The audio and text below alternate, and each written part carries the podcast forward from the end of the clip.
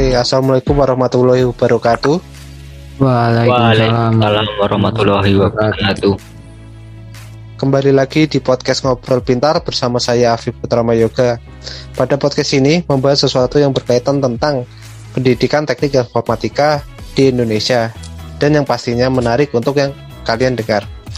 Pada podcast kali ini saya bersama kedua teman saya yaitu Mas Fajar dan Mas Alfian untuk dapat mengenal lebih dalam, mari kita sapa dua teman saya ini. Halo Mas Fajar, bisa perkenalkan diri Anda?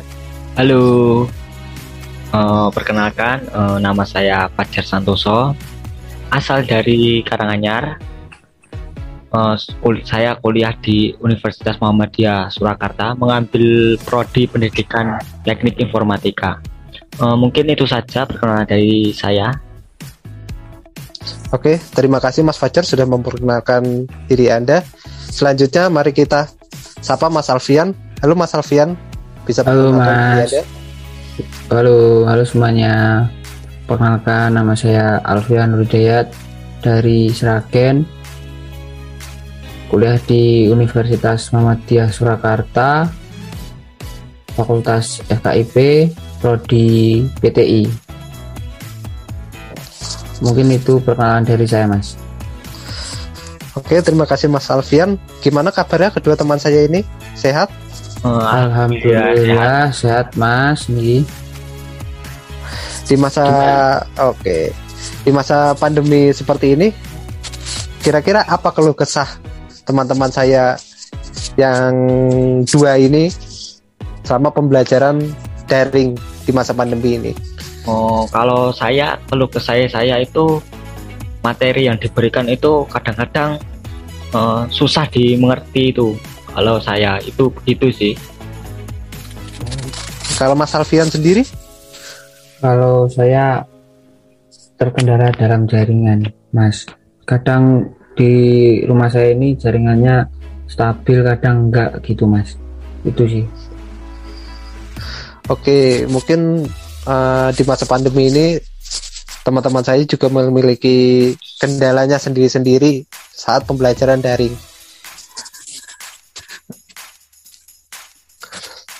Uh, mungkin uh, kedua teman saya yang ini meskipun dalam masa pandemi dan melakukan pembelajaran secara daring, tapi mereka tetap produktif setiap harinya. Oke, untuk mempersingkat waktu, pada kali ini saya akan membahas topik mengenai apa saja sih syarat-syarat implementasi mapel informatika supaya efektif dalam penerapannya. Mungkin kita mulai dari Mas Fajar. Menurutnya, apa sih syarat-syarat yang diperlukan supaya implementasi pembelajaran informatika dapat berjalan dengan efektif?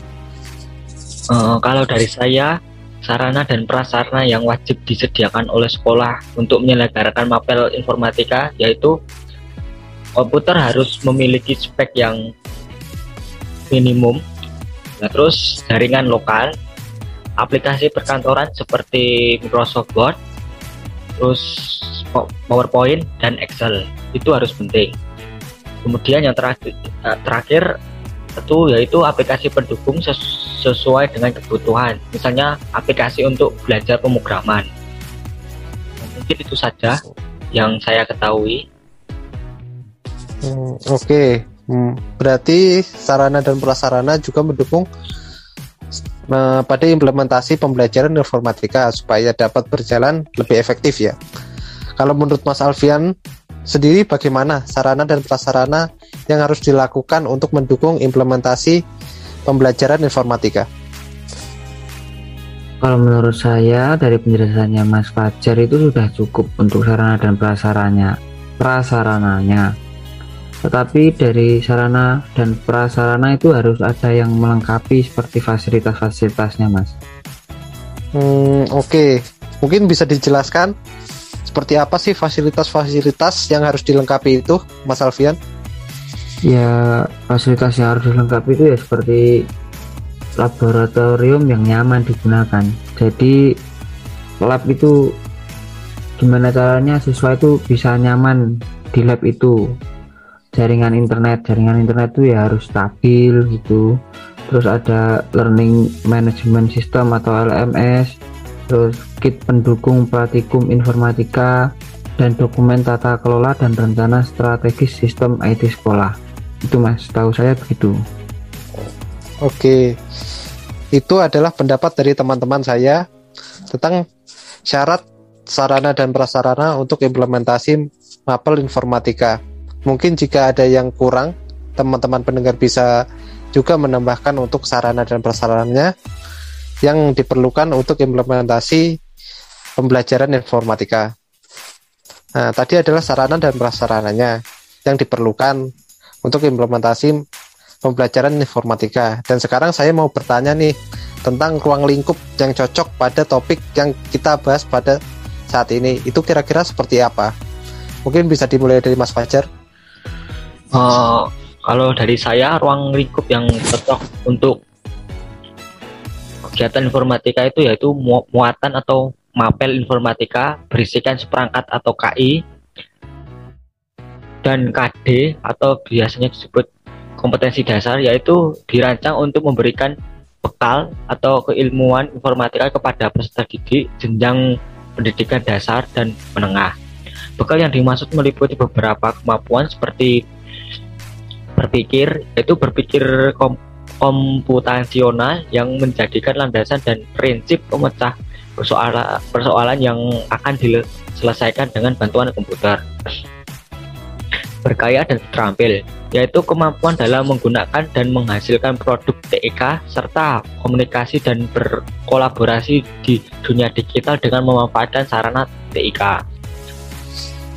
atau informatika berpengetahuan yaitu kemampuan tentang keilmuan informatika yang mencakup lima area pengetahuan informatika yaitu teknik komputer, jaringan komputer atau internet, analisis data, algoritma dan pemrograman dan dampak sosial informatika.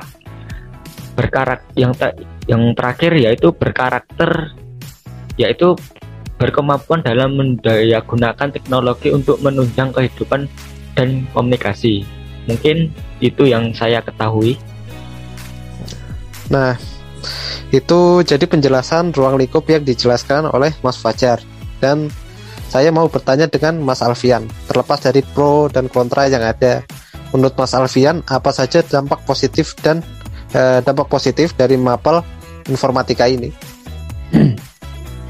Yaitu dampak eh, positif dari mapel informatika itu pertama menurut saya berpikir kritis adalah hal yang membentuk diri seseorang siswa ketika belajar informatika. Jadi dalam informatika ada dasar berpikir yang dinamakan berpikir komputasi. Di dalam berpikir komputasi sendiri terdapat empat pilar, yaitu satu dekomposisi, dua abstrak, tiga pengenalan pola, dan empat algoritma dengan berpikir komputasi, siswa itu akan menjadi berpikir lebih krisis sedini mungkin. Nah, kedua, meningkatkan kreativitas siswa. Jadi mapel informatika itu dapat mengubah cara berpikir siswa menjadi lebih baik. baik. Salah satunya adalah menjadikan siswa dapat berpikir lebih kreatif. Kok bisa?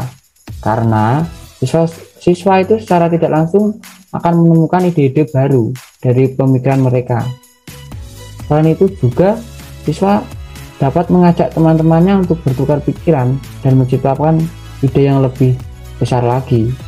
Dengan demikian, informatika membantu siswa dalam meningkatkan kreativitas mereka sendiri. Yang ketiga itu membentuk pribadi yang terstruktur. Nah, untuk yang satu ini dapat kita dapat dirasakan langsung oleh siswa apabila siswa senantiasa memperhatikan algoritma dari suatu program Informatika membiasakan siswa untuk mengajarkan segala sesuatu secara terurut. Hal itu, hal ini tentu menjadi hal yang pelan-pelan dapat dibiasakan dalam diri dan membentuk pribadi siswa yang terstruktur dalam mengerjakan sesuatu. Yang keempat, menjadi bekal di masa depan nanti. Tentunya kita semua mengetahui bahwa bahwasanya kita sedang menuju era society 5.0 yang mana kita akan bersaing secara global melalui teknologi yang luar biasa canggihnya. dalam era 5.0 manusialah yang berperan besar terhadap perkembangan teknologi dengan mempelajari informatika siswa dilatih untuk menguasai suatu teknologi yang dan diharapkan dapat menciptakan teknologi baru hal inilah yang mendasari informatika menjadi bekal untuk masa depan siswa begitu mas dampak positifnya Oke, tadi sudah membahas ya kita sudah membahas peserta didik. Sekarang bagaimana kriteria seorang guru yang kompeten dalam mengajar informatika? Mungkin dari Mas Fajar? Oh, kalau dari saya kriteria guru TIK atau informatika yang cocok itu harus berpikir komputansi, terus disiplin ilmu informatika yang terdiri dari lima area pengetahuan, yaitu teknik komputer, jaringan komputer atau internet atau JKI, analisis data atau AD, algoritma dan pemrograman atau AP dan dampak sosial informatika atau DSI, serta teknologi informasi dan komunikasi TIK. Mungkin uh, itu saja yang saya ketahui. Jin ya menambahkan juga ya Mas ya. Jadi kompetensi guru informatika juga ditandai dengan kepemilikan sertifikat pendidik guru informatika dengan kualifikasi akademis sebagai berikut. Pertama itu lulusan program sarjana kependidikan terkait komputasi atau lulusan program sarjana non pendidikan terkait komputasi yang memenuhi persyaratan sebagai guru. Program studi rumpun komputasi terdiri atas ilmu komputer, sistem informasi, informatika, teknik komputer, teknologi informasi, dan manajemen informatika atau yang ditetapkan oleh pemerintah. Itu yang saya ketahui.